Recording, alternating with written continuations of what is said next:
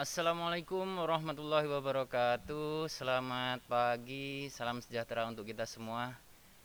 Ya, kembali lagi bersama Pak Noah di sini.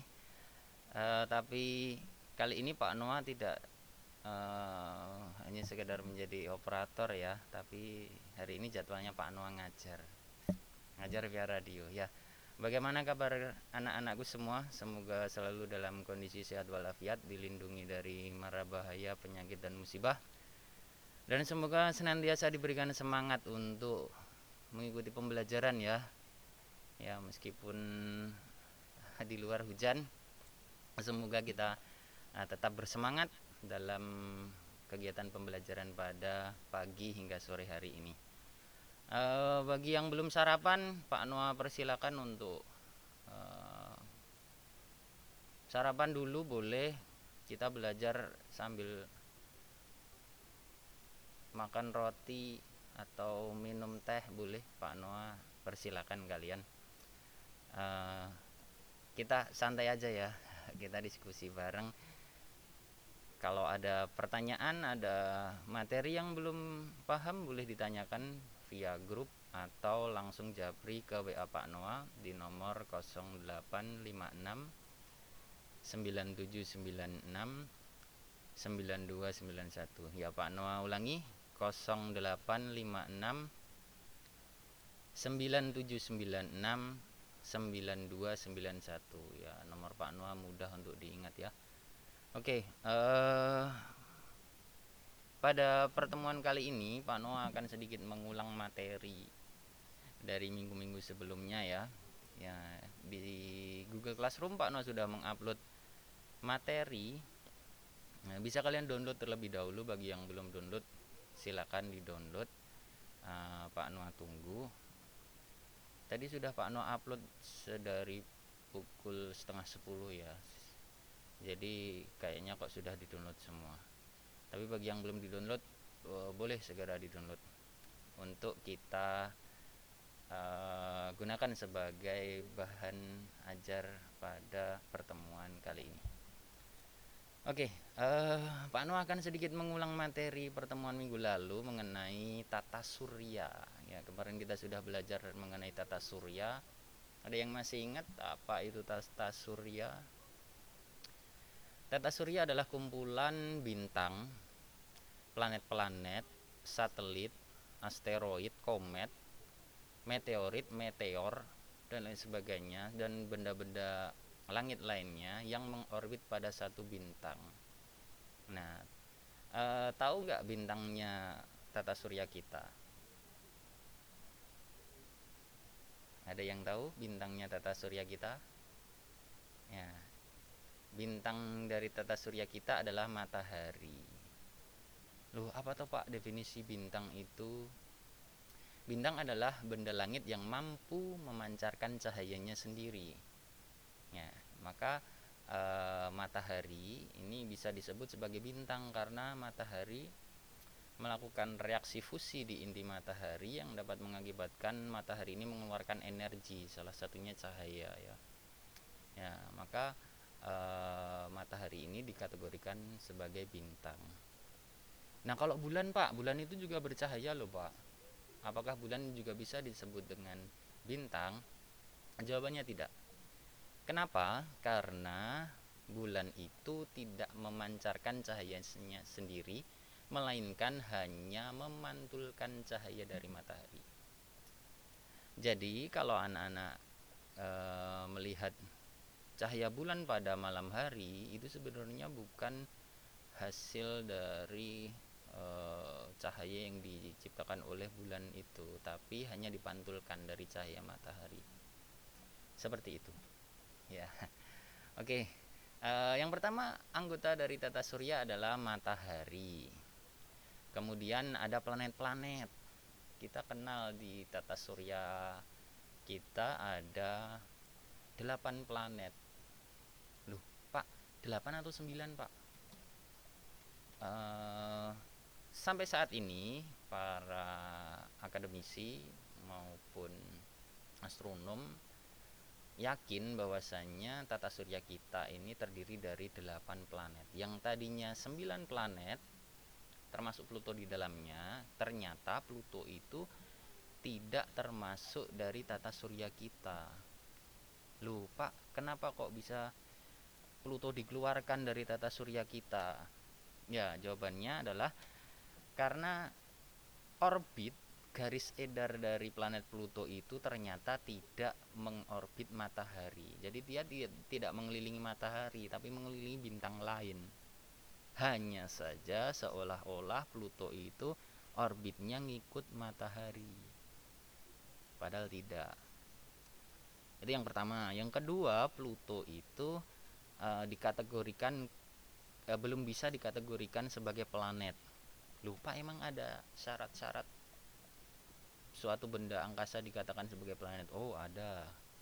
Salah satunya adalah minimal berdiameter 600 km. Jadi diameter eh, planet itu minimal adalah 600 km. Sementara Pluto itu kurang dari 600 km, maka dikatakan sebagai dwarf planet. Diulang, Pak. Dwarf planet. Apa itu? dwarf itu artinya kerdil jadi Pluto ini ukurannya secara ukuran belum bisa dikategorikan menjadi planet karena ukurannya terlalu kecil seperti itu oke ya uh, kita semua tahu ya planet-planet kita yang paling dekat dengan matahari adalah planet Merkurius. Jaraknya sekitar 58,5 juta kilometer. Ya uh, temperatur di planet Merkurius ini sangat tinggi karena dekat dengan matahari ya. Oke. Okay. planet yang kedua adalah planet Venus nah planet Venus ini sering dikatakan sebagai uh, planet yang paling cantik Planet Venus ini diidentikan oleh bangsa-bangsa Yunani zaman dulu sebagai simbol dari dewi kecantikan atau Aphrodite. Ya, Venus ini adalah e, bintang yang eh maaf, e, planet yang bisa kita amati langsung dari bumi pada bulan-bulan tertentu khususnya Februari dan Maret Venus itu bisa kita amati di Eh, saat pagi hari dan sore hari. Jadi ketika matahari akan terbit dan tenggelam itu kita bisa melihat Venus. Kita kenal Venus ini sebagai bintang kejora. Ya meskipun ini adalah uh, sebutan yang kurang tepat ya karena Venus bukan bintang, Venus adalah planet. Tapi orang-orang kita menyebutnya ini seolah-olah seperti bintang dinamakan bintang kejora.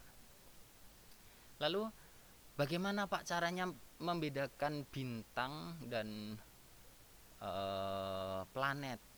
Ketika malam hari kita melihat ke langit itu kan sering ya kita melihat benda bercahaya lalu bagaimana cara membedakan ini bintang ini planet pak Noah Caranya mudah. Kalau Ananda melihat objek langit itu berkelip-kelip, itu adalah bintang. Tapi kalau cuma e, bercahaya tapi tidak kelip-kelip, tidak ada pendar, tidak ada e, kelip-kelipnya, pendarnya itu, itu adalah planet.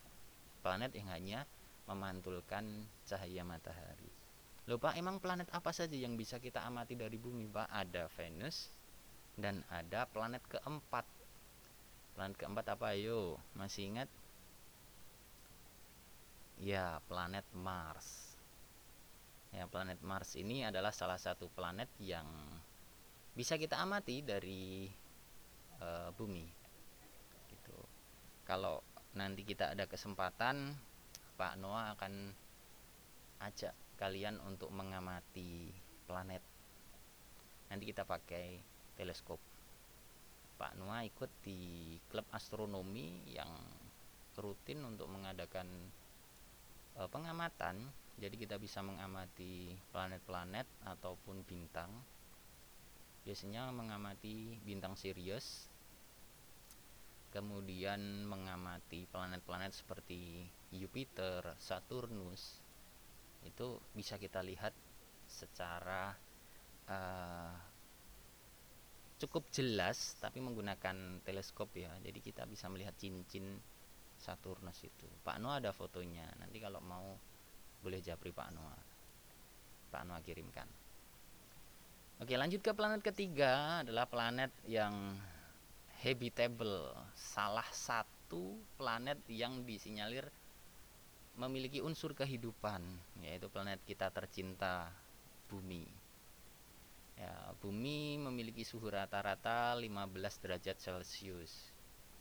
Kalau di Jogja ini suhu rata-ratanya sekitar 24 sampai 28 derajat Celcius ya.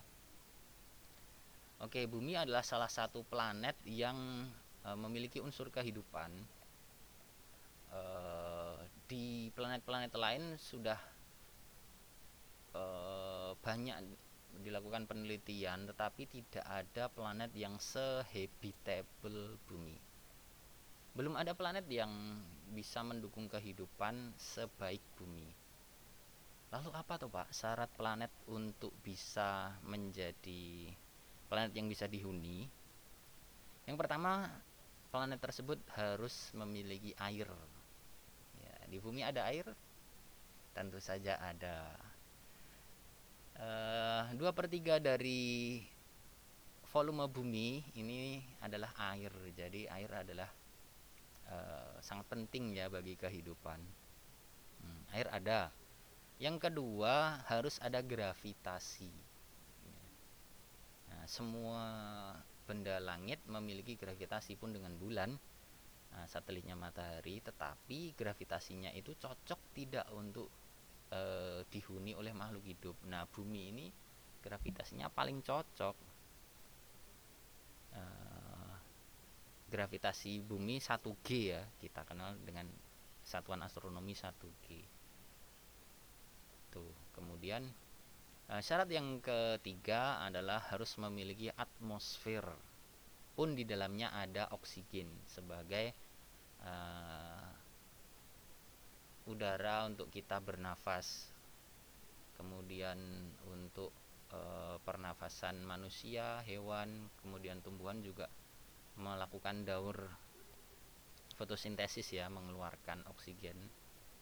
Tuh. Oke. Itu tadi mengenai bumi. Lanjut planet yang berikutnya adalah planet Mars.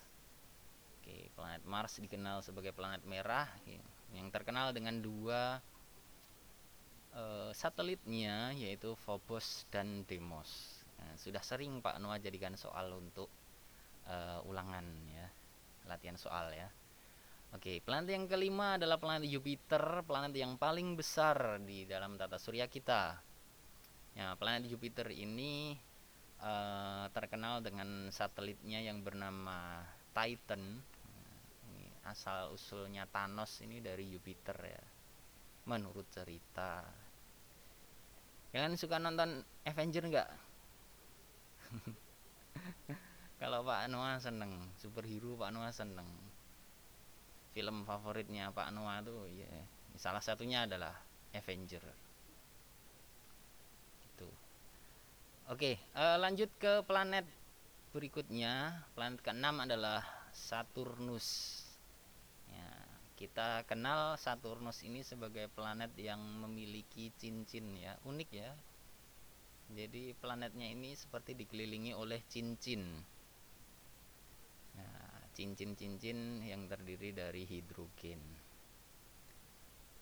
Oke, kemudian eh, planet berikutnya adalah planet Uranus planet Uranus dan planet Neptunus ini dikatakan sebagai planet kembar. Loh, kok bisa dikatakan planet kembar, Pak? Ya karena ukurannya hampir sama, kemudian wujudnya pun juga hampir sama. Nah, seperti itu.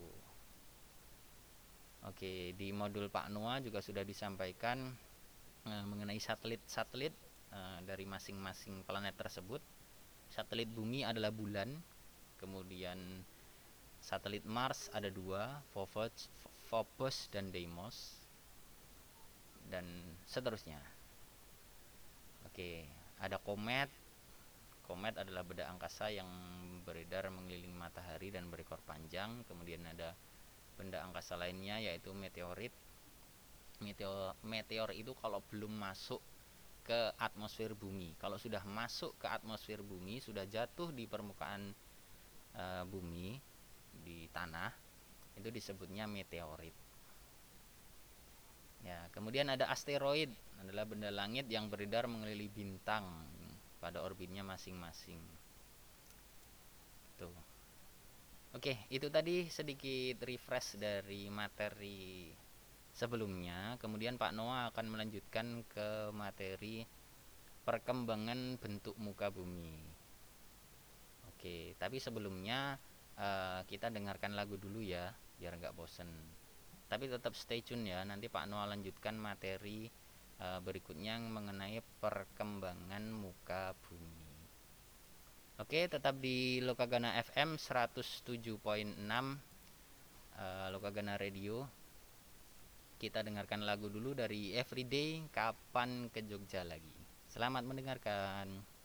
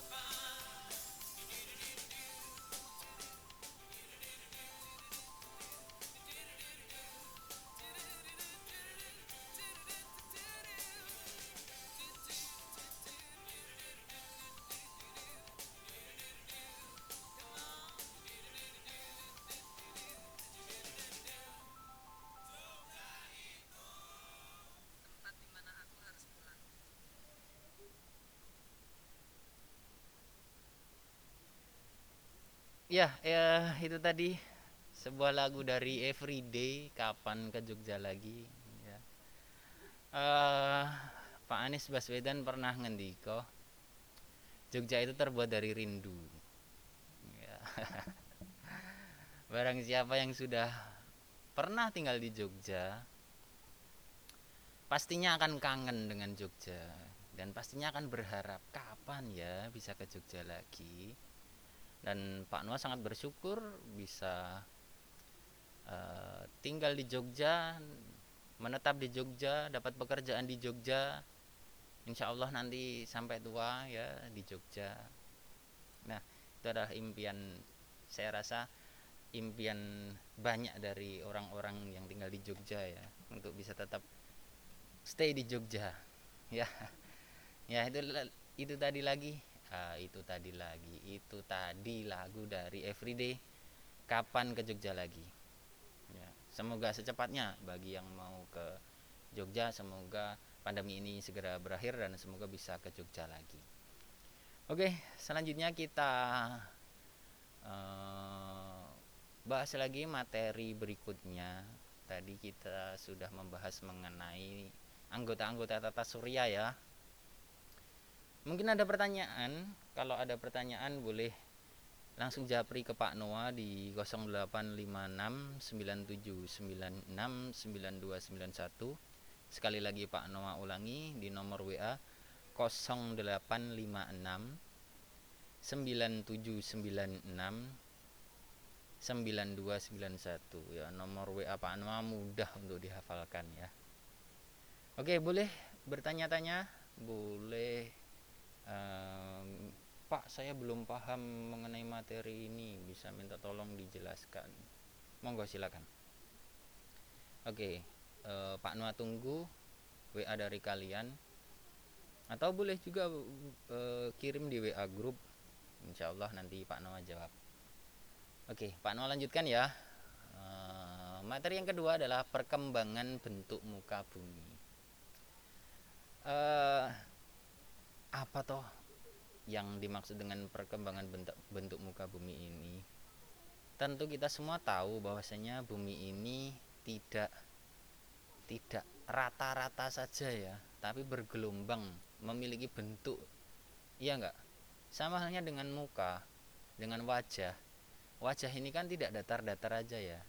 Kalau datar mah ngeri ya. Orang Sunda bilang seperti jurik ya. Uh, muka bumi ini tidak datar tapi bergelombang sama halnya dengan wajah manusia. Ada hidung yang menonjol, ada mulut yang menyembul, waduh. Kemudian ada mata yang jeglong, apa yang jeglong itu bahasa Indonesianya? ya seperti itulah kalian pasti tahu nah sama halnya dengan bumi kita bumi ini memiliki relief memiliki uh, bentuk yang berbeda-beda.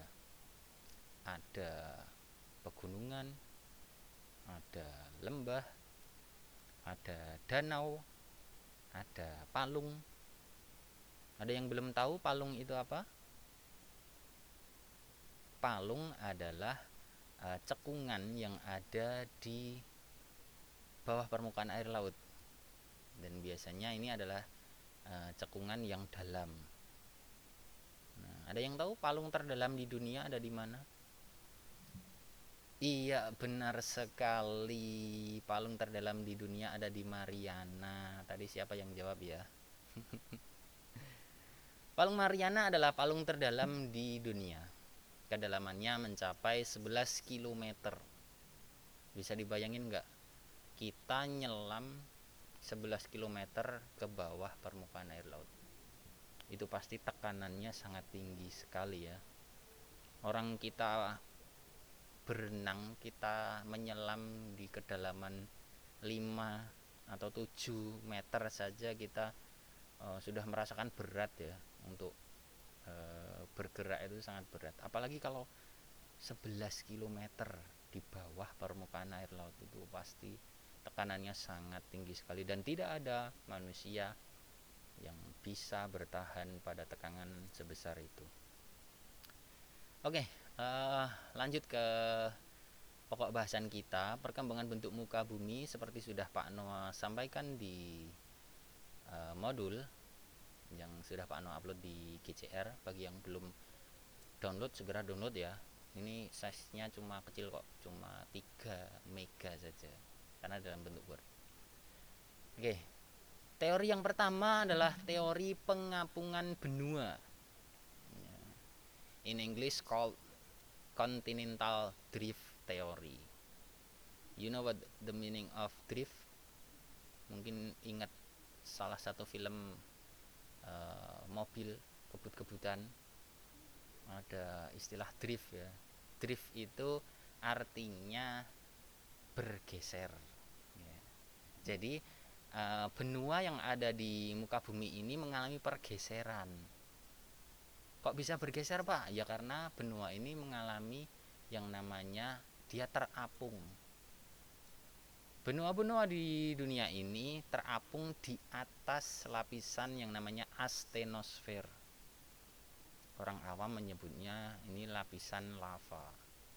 Jadi uh, di bawah tempat kita berpijak ini ada lava yang menggerakkan uh, benua-benua, lempeng-lempeng benua maupun lempeng-lempeng samudra di atas lava tersebut.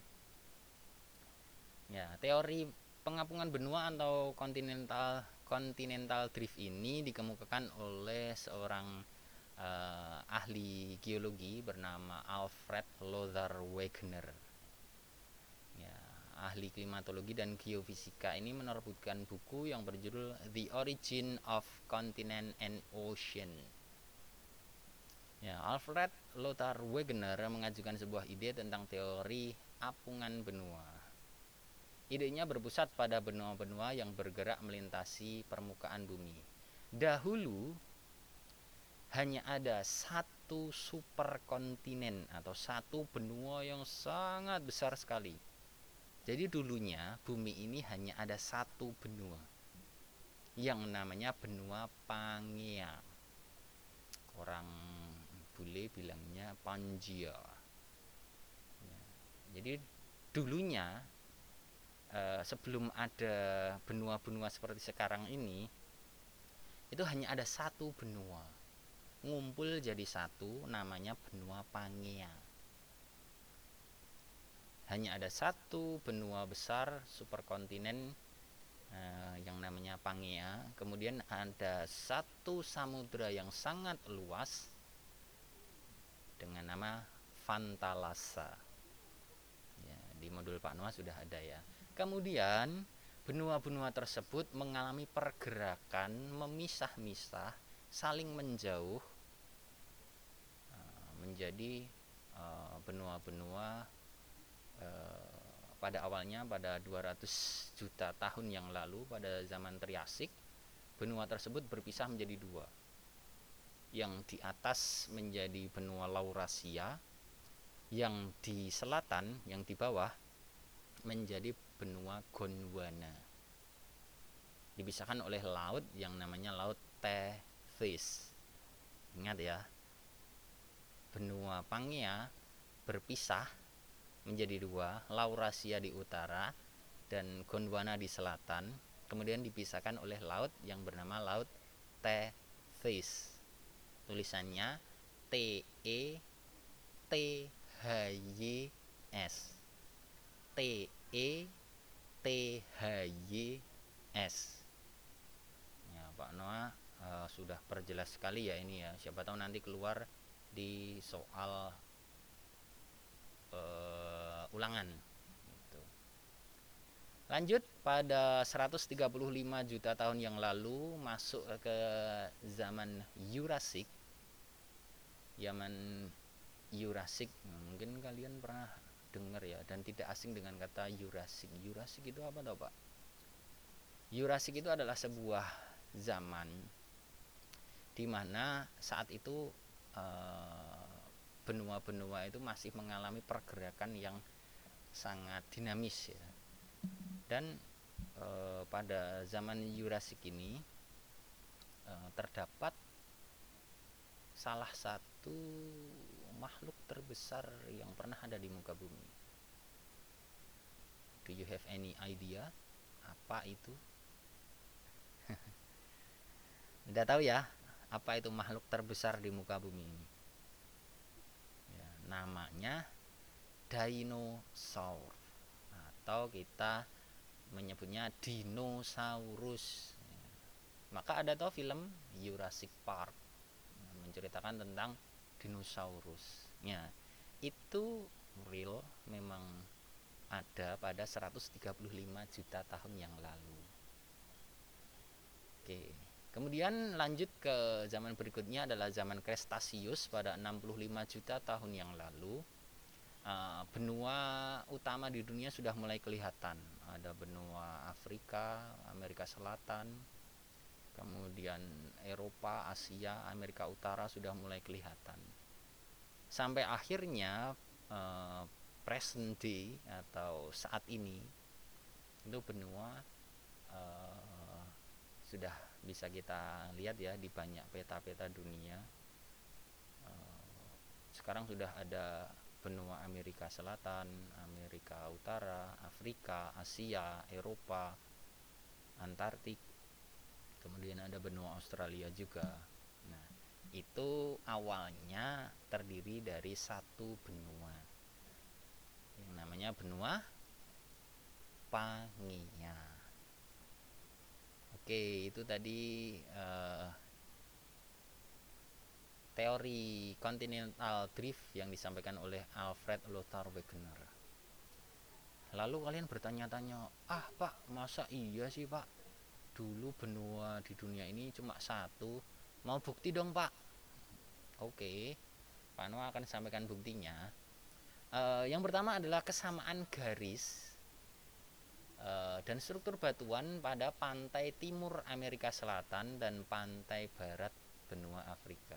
Kalau kalian cermati, benua Afrika dan benua Amerika it's like a puzzle, bro. Seperti puzzle yang fit each other. Apa gue? Jadi uh, terlihat uh, pas klop satu dengan yang lain coba deh kalian cek uh, peta Amerika Selatan dan Afrika itu seperti dua puzzle yang terpisah nah, bentuk garis pantai dan struktur batuannya itu memiliki kesamaan itu yang pertama Kemudian ada garis pantai benua Amerika Utara memiliki persamaan dengan garis pantai Eropa bagian barat. Jadi baik Amerika Utara maupun Amerika Selatan itu gabung dengan uh, Eropa di utara dan Afrika di selatan. Oke, bisa kalian cek di modul Pak Noah, gambarnya jelas sekali. Oke, itu bukti yang pertama. Kemudian bukti yang kedua adalah persebaran fosil. Jadi adanya kesamaan fosil di daerah-daerah yang terpisahkan oleh samudera luas. Di Afrika dan di Amerika itu memiliki kesamaan fosil. Jadi hewan-hewannya yang ada di Afrika dan di uh, Amerika Selatan itu ternyata memiliki kesamaan. Ada binatang melata yang ditemukan di Afrika pun juga dengan binatang melata yang ditemukan di Amerika Selatan. Padahal itu dipisahkan oleh samudra yang sangat luas, samudra Atlantik. Lu kok bisa, Pak? Ya bisa karena memang dulunya mereka bersatu. Mungkin karena selek apa gimana ya terus bisa. ya enggak ya. Ya karena memang ada tenaga dari bawah permukaan bumi yang memisahkan mereka. Apa itu Pak tenaganya? Nanti kita akan bahas setelah ini ya. Jadi tetap stay tune di Lokagana FM bersama dengan Pak Noah. Pak Noah itu sebenarnya sudah pengen lo ngajar kalian semua, sudah pengen ketemu kalian semua. Karena menurut Pak Noah sendiri uh, akan lebih mengena kalau Pak Noah jelaskan secara langsung. Ya, tapi karena kondisi belum memungkinkan ya kita sementara pembelajaran daring terlebih dahulu ya. Oke, kemarin hari Kamis Pak Noah itu melakukan konsultasi terbatas bersama dengan 10 eh sorry 8 siswa kelas 10 10 IPS 3 ada uh, siapa ya jenenge lali Pak Noah? Zaidan Mas Zaidan. Halo Mas Zaidan. Kemudian ada Mas Ardana. Halo Mas Ardana. Ada Mbak Arita ada Mbak Zeko. Kemudian ada Mbak Aulia. Dan yang lain Pak Anwar agak lupa. Nah kita konsultasi terbatas. Jadi uh, pembelajaran ya tatap muka tapi hanya terbatas delapan orang saja.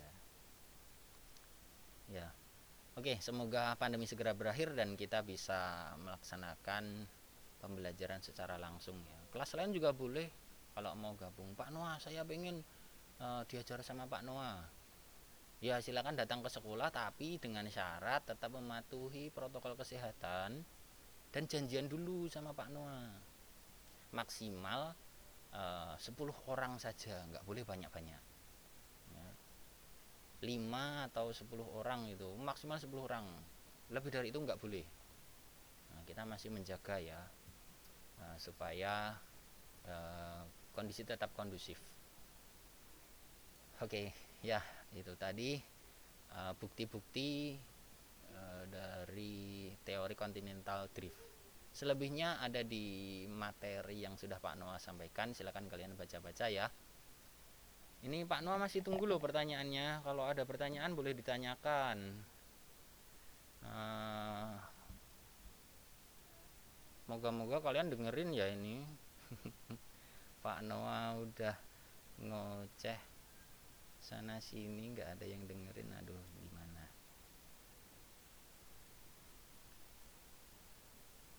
oke okay. uh, eh, ya ini sudah ada yang mulai WA ini.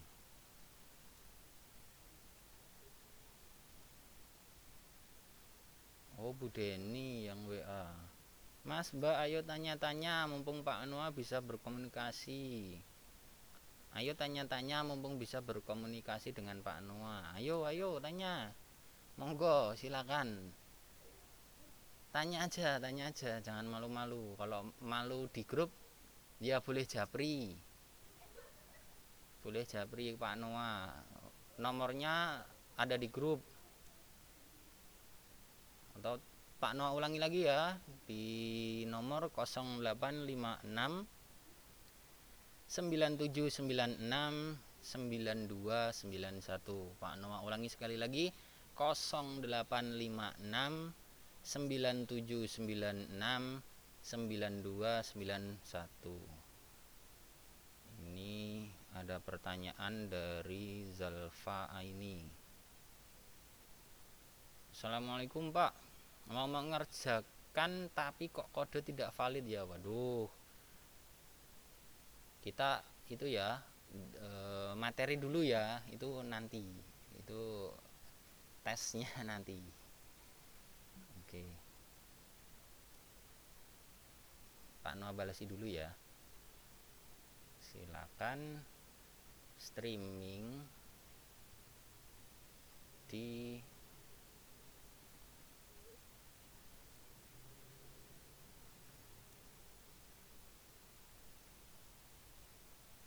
Lokagana FM ya.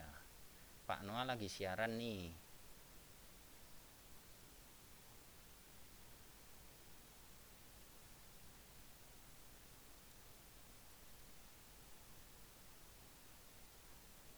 Assalamualaikum Pak saya Selin kelas 10 IPS 4 ingin bertanya mengenai apa itu fenomena gerakan lempeng saling menjauh atau divergen. Nah, e, pertanyaan bagus.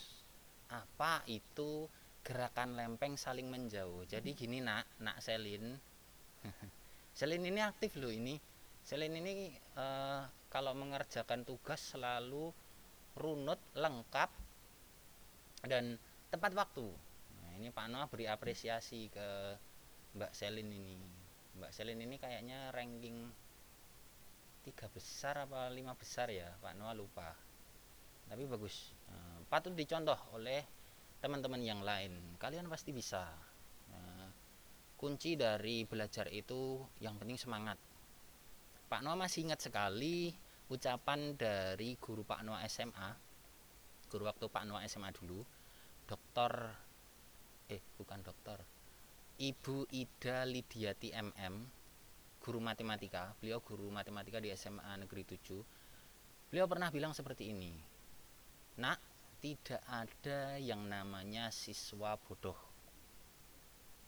Hanya saja masing-masing siswa itu memiliki kemampuan yang berbeda-beda dalam menerima materi pelajaran jadi ada yang sekali dijelaskan sudah paham. Ada yang butuh dua kali dijelaskan baru paham. Ada yang butuh dijelaskan sampai empat kali baru paham. Ada yang membutuhkan waktu 10 kali penjelasan baru paham. Tidak apa-apa itu itu adalah hal yang bisa dimaklumi. Nah tugas dari guru adalah menjelaskan sampai siswa itu mencapai ketuntasan belajar jadi kalau ada siswa yang tidak paham itu salah gurunya bukan salah siswanya tapi banyak kasus siswa itu tidak paham tapi tidak bertanya. Nah, bagaimana gurunya tahu siswa itu paham atau tidak? Maka Pak Noah memberikan kalian kesempatan untuk bertanya seperti Mbak Selin ini tadi ya yang menanyakan tentang fenomena gerakan lempeng saling menjauh atau divergen. Oke, eh, Pak Noah akan jelaskan. Silakan buka di modul kalian bahwasanya ada tiga pergerakan lempeng. Yang pertama adalah gerak konvergen. Konvergen itu adalah gerak lempeng saling mendekat. Ada dua lempeng, lempeng A dan B, yang satu bergerak ke kiri, yang satu bergerak ke kanan, ketemu di tengah. Das. Nah, ketika dua lempeng ini bergerak saling mendekat, dia akan mengalami yang namanya pembengkokan. Ya ibarat kata kayak apa ya e, dua dua dua benda kalian dekatkan satu sama lain itu kan nanti akan saling dorong mendorong ya. Tergantung siapa yang kuat. Nah yang kuat itu nanti akan menunjam ke bawah. Lempeng yang kuat itu akan menunjam ke bawah sehingga lempeng yang satunya akan terangkat. Lempeng yang terangkat ini akan me membengkok.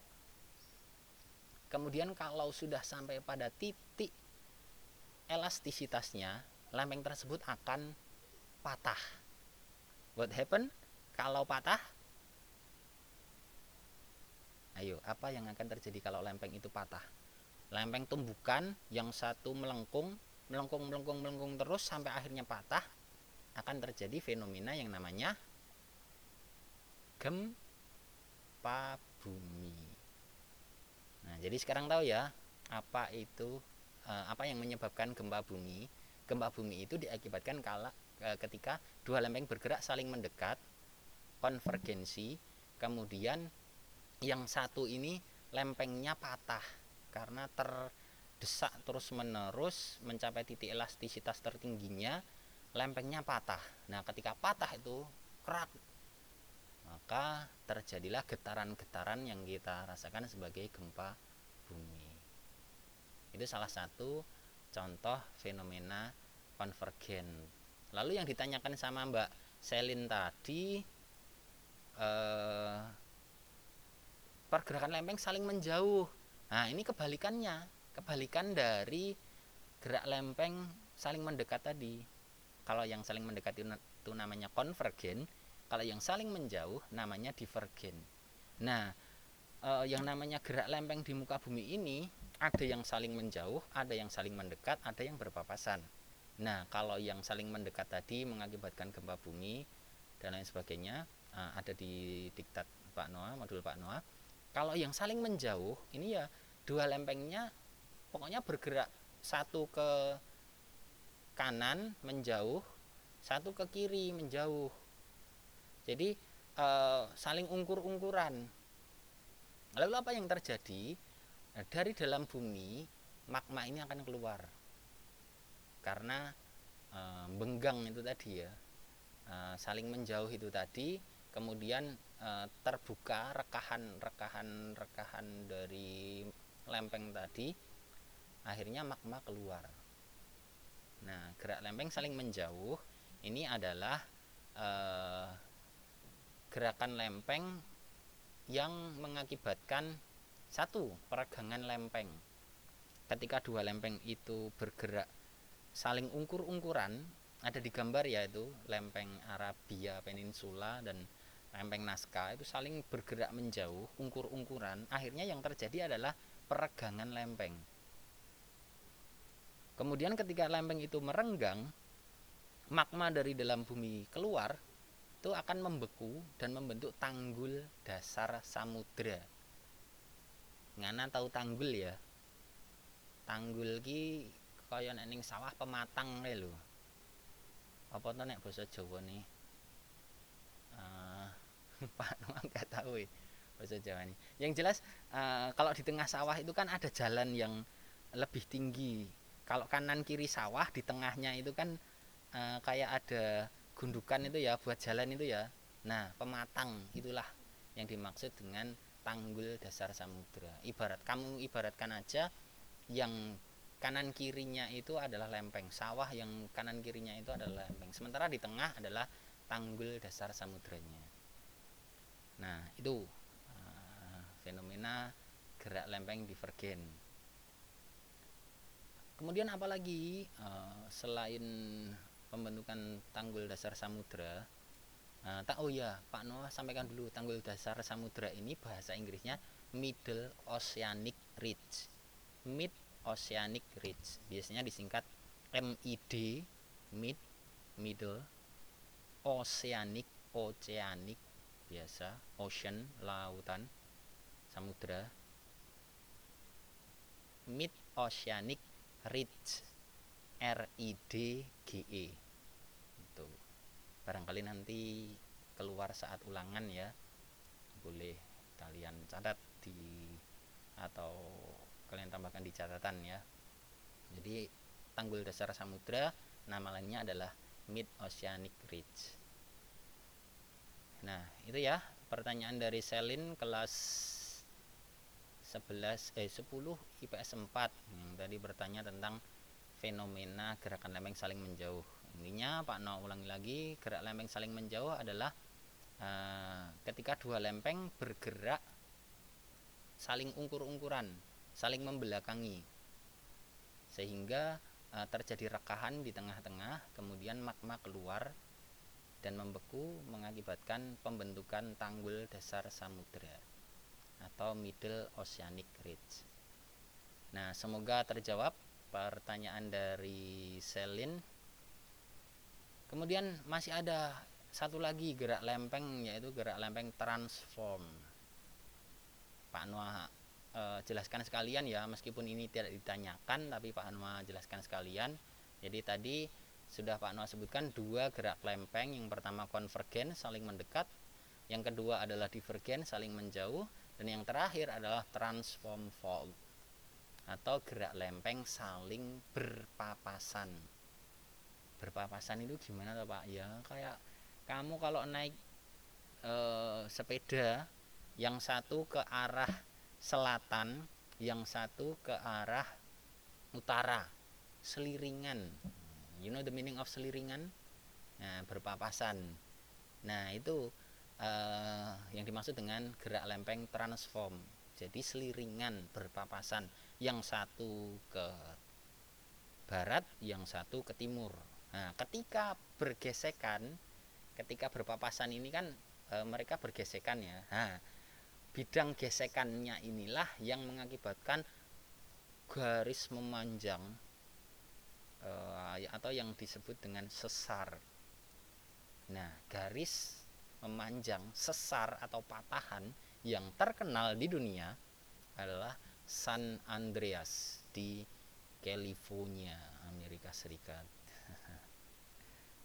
Mungkin kalian yang cowok-cowok nggak asing ya dengan uh, San Andreas ya. Terutama yang ngegame ngegame itu GTA San Andreas ya itu memang uh, setting tempatnya di San Andreas ya.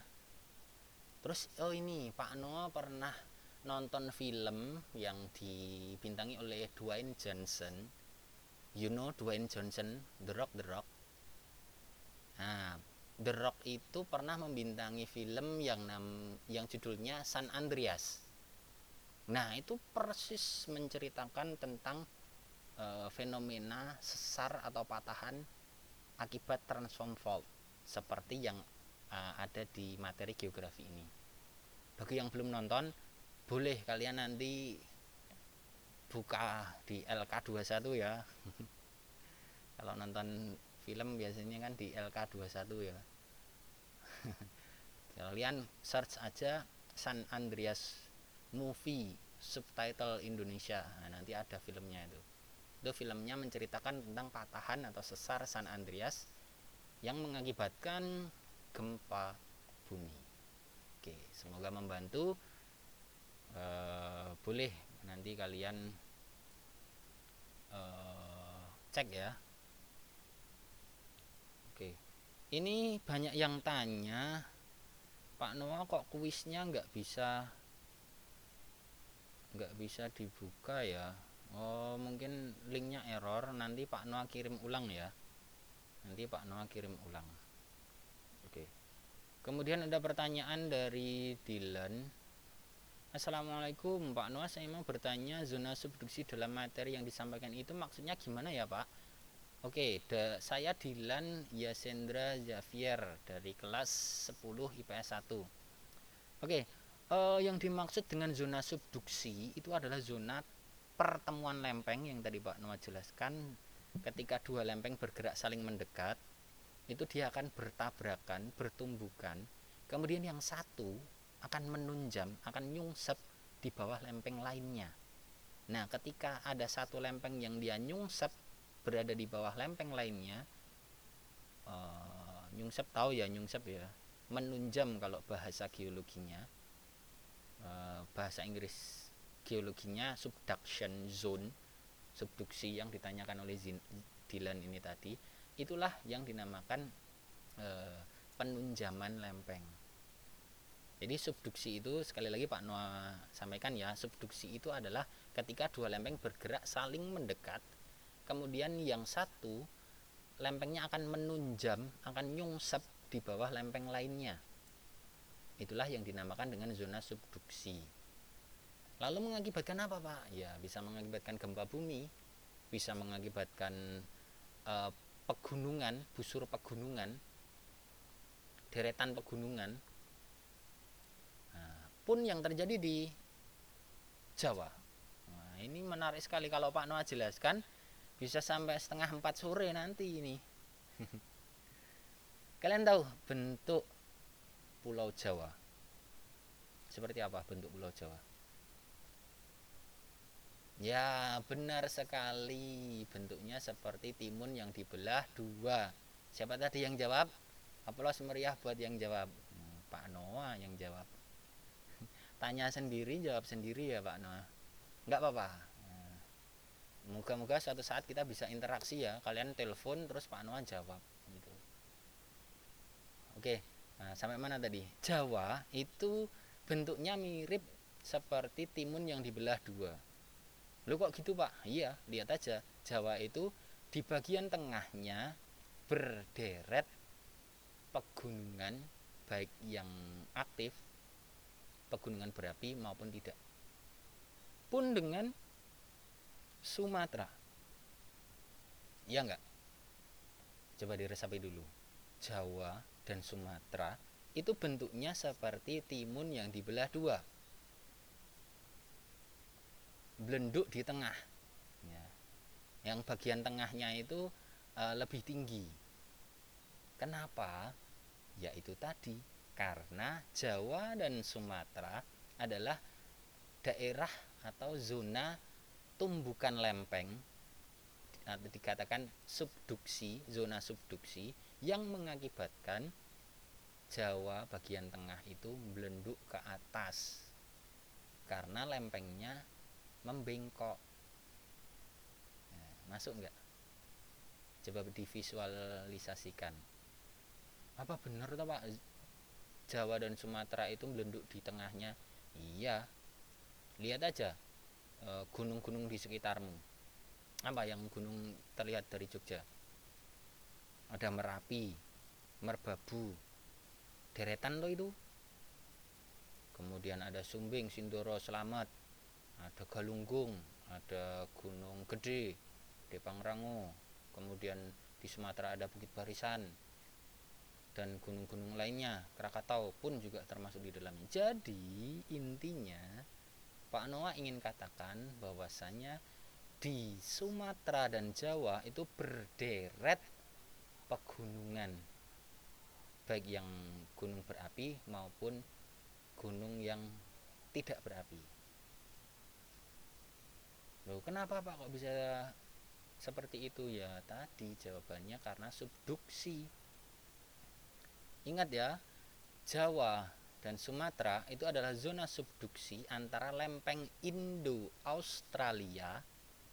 Ingat ya, lempeng Indo-Australia dan lempeng Eurasia. Lempeng Indo-Australia itu ada di selatan Samudra Hindia. Sementara e, Jawa dan Sumatera ini berada di atas lempeng Eurasia. Lempeng Eurasia ini ditunjam terus-menerus sama lempeng Indo-Australia. Sehingga lempeng e, Eurasia ini terangkat. Nah, di bagian tengahnya lempeng Indo e, lempeng Eurasia ini terangkat. Nah, jadilah gunung-gunung berapi di sepanjang pulau Sumatera dan Jawa. Oke, jadi terjawab ya Dilan. Terima kasih atas pertanyaannya. Jadi tanya tentang zona subduksi adalah zona tumbukan lempeng. Ya, bagus. Oke, pertanyaan yang lain Pak Noah cek dulu. Assalamualaikum, mohon maaf mengganggu Pak. Tempat saya game kuisnya tidak bisa dibuka, kode game tidak valid. Oh, maaf ya. Ini mungkin kesalahan ada di Pak Noah tapi ya nggak apa-apa biar kalian uh, mendengarkan siaran radio dulu. Jarang-jarang loh Pak Noah siaran ini. Oh, baru sekali ini siaran. Nah, semoga ke depannya uh, bisa siaran terus ya. Syukur-syukur tiap minggu Pak Noah siaran terus gitu.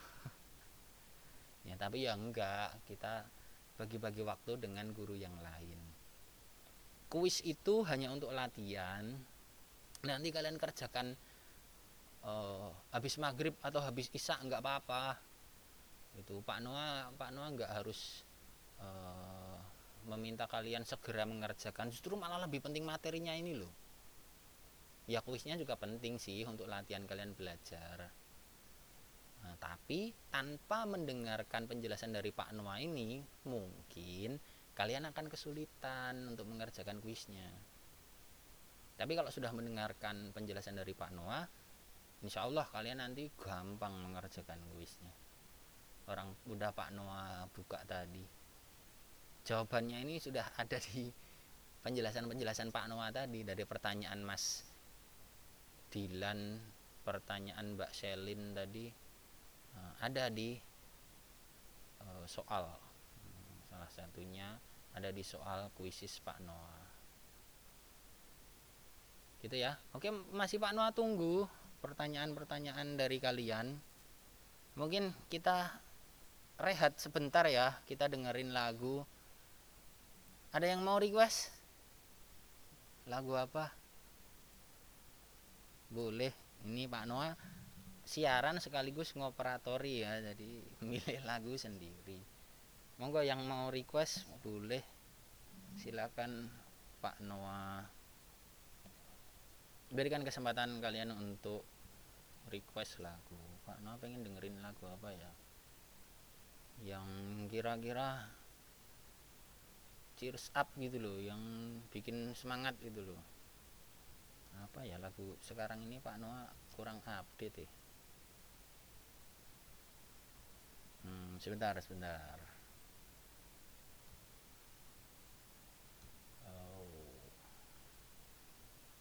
tapi jangan dangdut ya.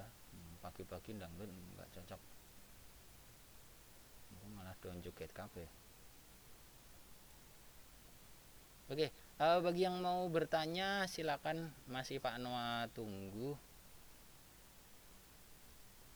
Boleh kalian bertanya. Mumpung Pak Noah lagi siaran jadi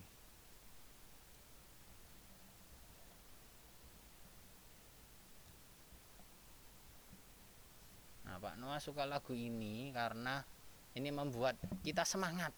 Ya. Lagu ini oh, bisa membuat kita semangat dalam menjalani hari-hari kita. Semoga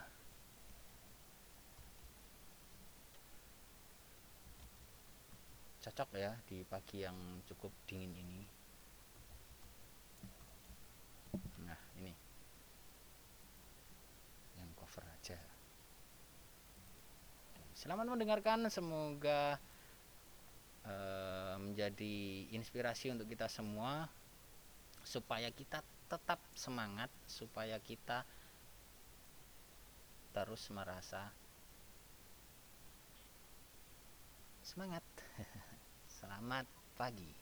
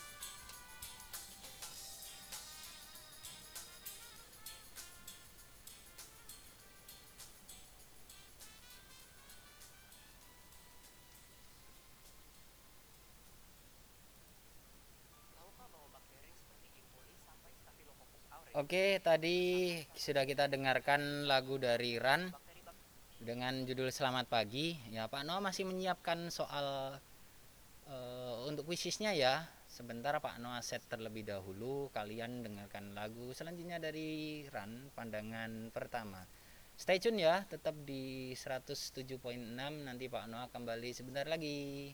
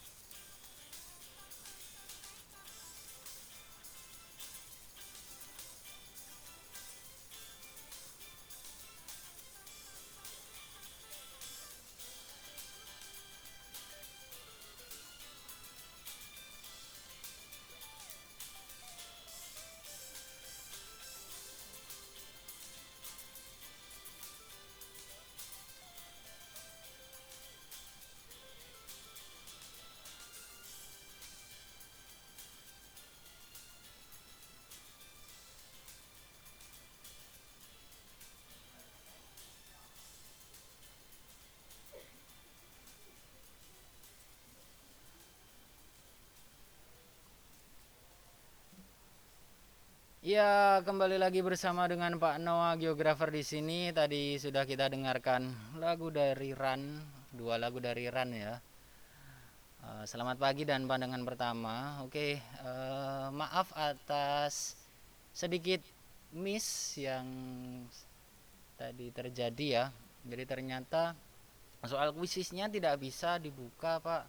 Saya dapat banyak komplain ini banyak yang WA Pak Noah ternyata kode kuisnya tidak valid. Oke Pak Noah sudah mengirim ulang di Google Classroom. Silakan kalian cek. E, boleh dikerjakan sekarang boleh dikerjakan nanti setelah Pak Noah selesai siaran. Nah, kalau mau dengerin Pak Noah siaran dulu boleh boleh banget. Ini kuisisnya Pak Noah setel sampai nanti malam pukul 23.55 jadi masih ada waktu. Jarang-jarang loh Pak Noah siaran. Jadi kalian bisa dengarkan siaran Pak Noah terlebih dahulu karena uh, nanti kalian akan lebih mudah untuk mengerjakan kuisisnya. Karena Pak Noah uh, membuat soal berdasarkan dari materi yang Pak Noah ajarkan pada pagi hari ini Oke, terima kasih untuk Selin yang sudah bertanya tadi, sudah Pak Noah jawab ya. Kemudian untuk Dilan yang sudah bertanya, Pak Noah juga sudah jawab. Bagi teman-teman lain, anak-anakku, Ananda tercinta yang mau tanya-tanya boleh japri ke Pak Noah via WA di 0856 9796 9291 sekali lagi Pak Noah ulangi di 0856 9796 9291 Oke. nomor Pak Noah mudah kok dihafalkan atau kalau eh, nggak japri juga bisa di share di grup. Tanya di grup boleh. Pak Anwar gabung di grup. Ini ada yang WA lagi nih. Oke Pak. Ya, siap. Terima kasih. Kembali kasih sama-sama. Oke eh, Pak Noah akan melanjutkan materinya sampai mana tadi ya masih ditunggu yang mau mengajukan pertanyaan lagi dengerin nih. Sip. Ayo tanya tanya. Monggo mumpung Pak Noah lagi siaran ini bisa kalian manfaatkan ya. Nanti Pak Noah siaran sampai jam berapa ya? Mbak Mbak siarannya sampai jam berapa ya 11 oh berarti udah selesai nih. Oh, aduh padahal baru dua orang yang tanya. Eh bener sampai jam 11 aku tiga jam sih.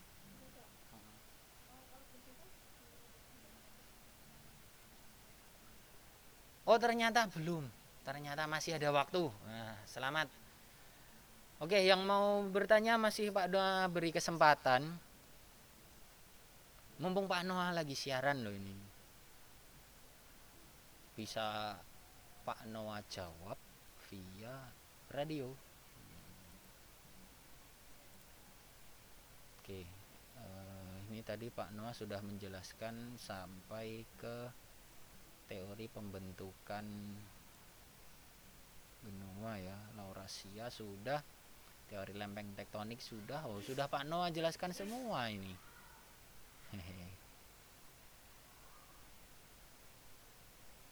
Ya monggo lah kalau masih ada yang mau bertanya. Kalau tidak ada ya silakan dikerjakan. Latihan soalnya kuisisnya ya boleh kalian kerjakan. Mudah-mudah kok itu. Tadi Pak Noah sudah jelaskan di siaran radio ini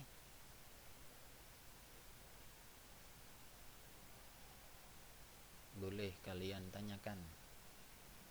Oke, jadi Pak Noah resum ya dari pertemuan kita pada uh, hari ini kita membahas mengenai sejarah uh, pembentukan muka bumi. Jadi teori-teori perkembangan bentuk muka bumi.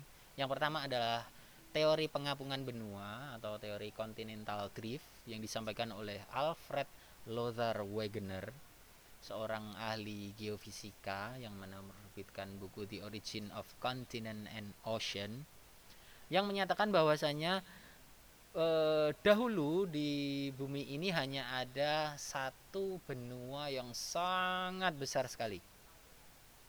Kita menyebutnya benua Pangea uh, orang luar negeri menyebutnya benua Panjia dan ada satu samudra yang sangat luas dinamakan samudra Fantalasa. Oke, kemudian uh, benua-benua uh, benua Pangea tersebut mengalami gerak divergen dan gerak konvergen tadi Pak Noah sudah sampaikan gerak saling menjauh maupun saling mendekat mengakibatkan bentuk muka bumi ini berubah. Yang tadinya hanya ada satu benua, kemudian berpisah menjadi dua benua. Laurasia di utara dan Gondwana di selatan. Laurasia ini yang cikal bakal menjadi Amerika Utara, Eropa, dan Asia. Sementara yang Gondwana di bagian selatan itu uh, sampai sekarang menjadi benua Amerika Selatan Afrika, uh, Antartika, uh, Kutub Selatan dan Australia. Tuh. Oke, itu tadi. Kemudian buktinya, buktinya adalah adanya kesamaan garis pantai timur Amerika Selatan dan garis pantai barat Afrika. Jadi kalau kalian lihat e, peta dunia antara Amerika Selatan dan Afrika itu fit each other. Jadi semacam puzzle yang eh, pas gitu loh kalau di telangkop ke di apa ya bahasa Indonesia ini ditelangkop ke apa? Di eh, pasangkan dipasangkan satu sama lain itu fit pas gitu. Oke kemudian ada bukti persebaran fosil dan Eh, persebaran fosil tumbuhan serta hewan yang ternyata memiliki kesamaan antara di eh, Amerika Selatan dengan di benua Afrika itu jadi hewan-hewannya sama, tumbuh-tumbuhannya sama. Ini tidak mungkin terjadi kalau mereka dulunya tidak satu daratan. Gitu. Lupa kok sekarang berpisah ya uh, antara Amerika Selatan dan Afrika itu kan dipisahkan ribuan mil, dipisahkan oleh Samudra Atlantik, salah satu samudra yang paling luas di dunia. Uh, kok bisa pak? Nah, jawabannya ada di pertanyaan Selin tadi. Apa jawabannya? Karena ada gerak lempeng divergen. Apa itu gerak lempeng divergen? Gerak lempeng saling menjauh. Jadi antara Afrika dan Amerika Selatan ini selek. Enggak ya, enggak selek. Jadi eh, mereka bergerak saling menjauh. Yang Amerika Selatan ke kiri ke arah barat, sementara yang Afrika bergerak ke arah kanan ke timur. Jadi mereka bergerak saling menjauh. Itu mendapat gambaran ya Eh, mengenai pergerakan lempeng saring menjauh ini. Oke, uh, kemudian uh, yang kedua adalah teori Laurasia dan Gondwana. Nah, disampaikan oleh Edward Swiss yang mana teori Laurasia dan Gondwana ini sangat mendukung dari teori continental driftnya Alfred Lothar Wegener. Jadi Alfred Lothar Wegener menyampaikan bahwasannya uh, dulunya bumi ini hanya terdiri dari satu benua besar, benua Pangea. Kemudian benua tersebut berpisah, yang di utara menjadi Laurasia, yang di selatan menjadi Gondwana. Nah, diteruskan teori tadi oleh Ar Edward Swiss. Jadi antara Alfred Lothar Wegener dan Edward Swiss ini saling terkait teorinya. Oke, Laurasia terpecah menjadi Asia, Eropa, dan Amerika Utara, sedangkan Gondwana terpecah menjadi Afrika, Australia, dan Amerika Selatan yang ada di belahan bumi selatan. Kemudian antara Laurasia dan Gondwana ini dipisahkan oleh laut yang disebut dengan Laut Tethys. Ingat ya, Laut Tethys. T E T H Y S. Ada di uh, modul Pak Noah. Silakan kalian cek. Yang ketiga adalah teori konveksi yang disampaikan oleh Arthur Holmes dan Harry Hess. Ya, kemudian dikembangkan oleh Robert Diaz yang menyatakan bahwasanya di dalam bumi ini sangat panas sekali dan terjadi arus konveksi ke segala arah.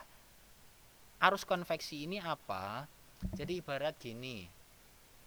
Kalian pernah memasak air di panci atau di ceret ya.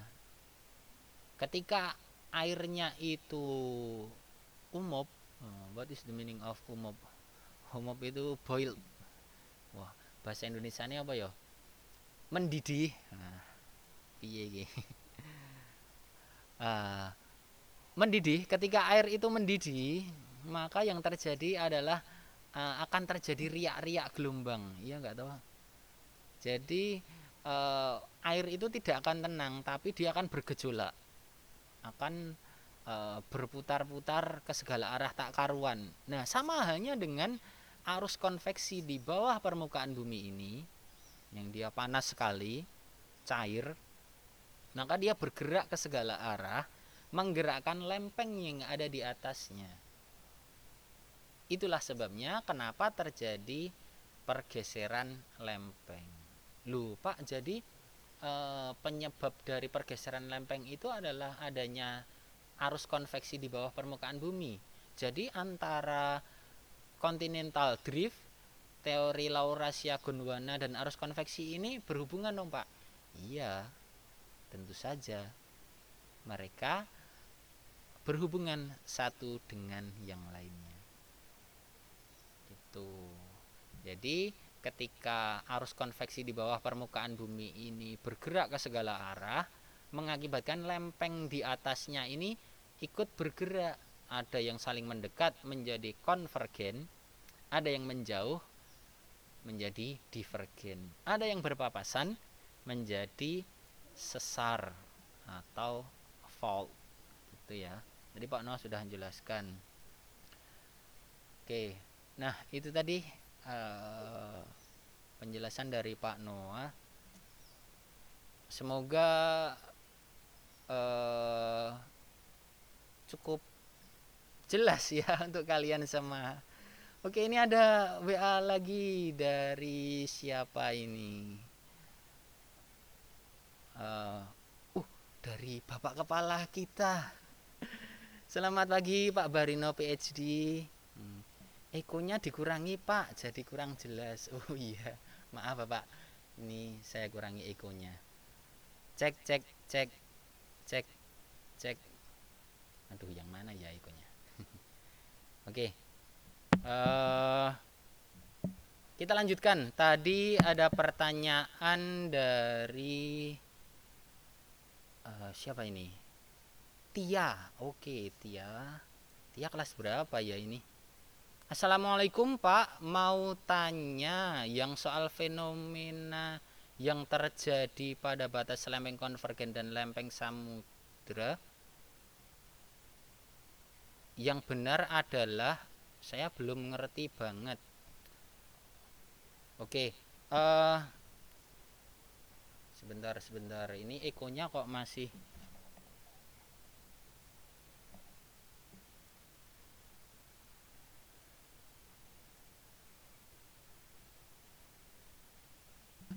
Cek, cek, cek, cek.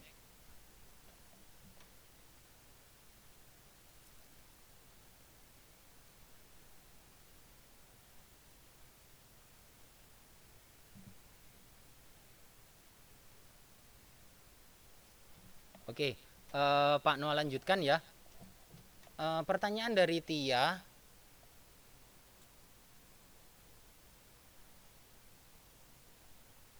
Pak mau tanya, fenomena yang terjadi pada batas lempeng konvergen lempeng samudra dengan lempeng samudra yang benar adalah maksudnya yang benar apa gitu ya? Saya belum mengerti. Oke uh, Pak Noah jelaskan. Jadi gerak lempeng saling mendekat itu terbagi menjadi tiga ya. Ada lempeng samudra bertumbukan dengan lempeng samudra lempeng samudra bertumbukan dengan lempeng benua dan lempeng benua bertumbukan dengan lempeng benua. Ya sekali lagi Pak Noah ulangi ada tiga ya. Jadi ada tiga pergerakan lempeng. Yang pertama adalah lempeng samudra dengan lempeng samudra itu tabrakan bertumbukan. Akan menghasilkan fenomena apa pak? Ketika dua lempeng samudra bergerak saling mendekat itu akan mengalami yang namanya subduksi menunjam ke bawah menjadi palung laut nah apa itu palung laut? Tadi Pak Noah sudah sempat menyinggung sebentar ya. E, palung adalah bagian terdalam dari lautan. Jadi palung itu semacam it's like uh, jurang yang ada di bawah permukaan laut. Nah, terjadinya karena apa? Ya itu tadi, karena subduksi lempeng samudera dengan lempeng samudera. Ketika dua lempeng samudera bergerak saling mendekat, saling menumbuk satu sama lain, mereka akan sama-sama menunjam. Menunjam ke bawah. Kemudian akan menjadi palung laut. Ya, semoga terjawab ya pertanyaan dari Tia. Kemudian kalau lempeng samudera dengan lempeng benua eh, jadi apa, Pak? Nah, ketika lempeng samudra bertumbukan dengan lempeng benua, yang samudra akan nungsep di bawah lempeng benua. Lempeng benuanya akan terangkat. Tadi Pak Noah contohkan di Pulau Jawa ya. Jadi uh, Pulau Jawa itu uh, merupakan tumbukan antara lempeng samudra dengan lempeng benua. Lempeng samudranya adalah lempeng Indo-Australia, sementara lempeng sam, e, benuanya adalah lempeng Eurasia. Nah, Jawa dan Sumatera, Kalimantan serta seluruh Indonesia ini berada di atas lempeng Eurasia. Jadi lempeng benua ya. Maka ketika lempeng samudra menunjam di bawah lempeng benua, lempeng benuanya akan terangkat. Maka tadi Pak Noah jelaskan bahwasanya bentuk pulau Jawa dan pulau Sumatera itu seperti timun yang dibelah menjadi dua. Jadi belenduk di atas belenduk di tengah belenduk di tengah ya. Nah, karena apa? Sepanjang e, Jawa dan Sumatera ini terbentuk busur-busur pegunungan. Tadi Pak Noah sudah sebutkan ada gunung-gunung di sepanjang Pulau Jawa dan Pulau Sumatera. Nah sekarang Pak Noah gantian tanya manakah di Indonesia ini yang tidak ada gunung berapinya? Ayo, ada yang tahu? Ada yang e, mungkin berasal dari Kalimantan. Nah, di Kalimantan itu tidak ada gunung berapi. Pertanyaannya, loh Pak, kok di Kalimantan tidak ada gunung berapi Pak?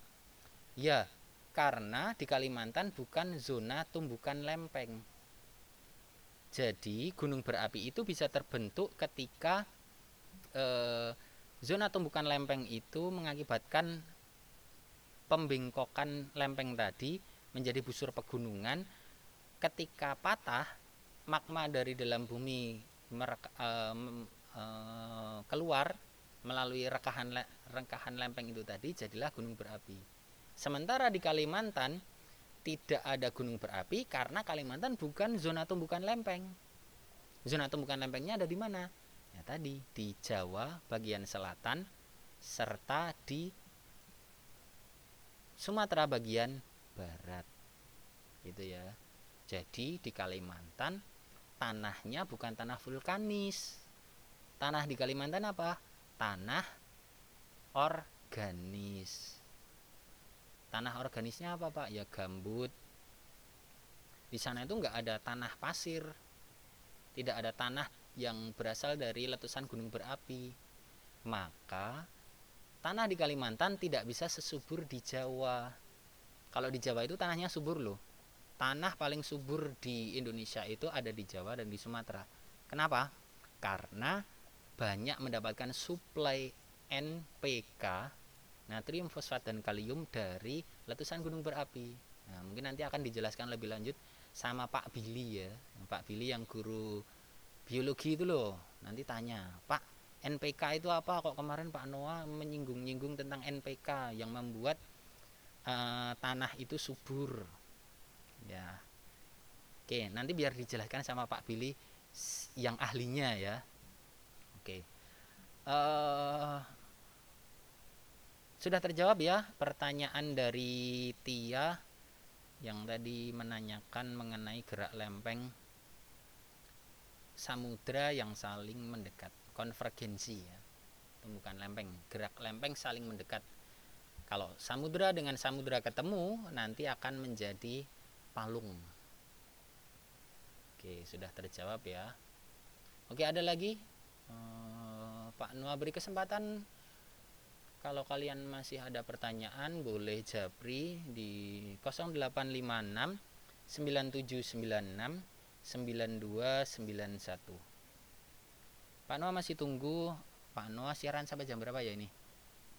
Kayaknya setengah 12 aja ya karena nanti persiapan untuk sholat duhur. Oke eh, bagi kalian yang belum mengerjakan kuisisnya silakan dikerjakan. Pak Noah masih tunggu.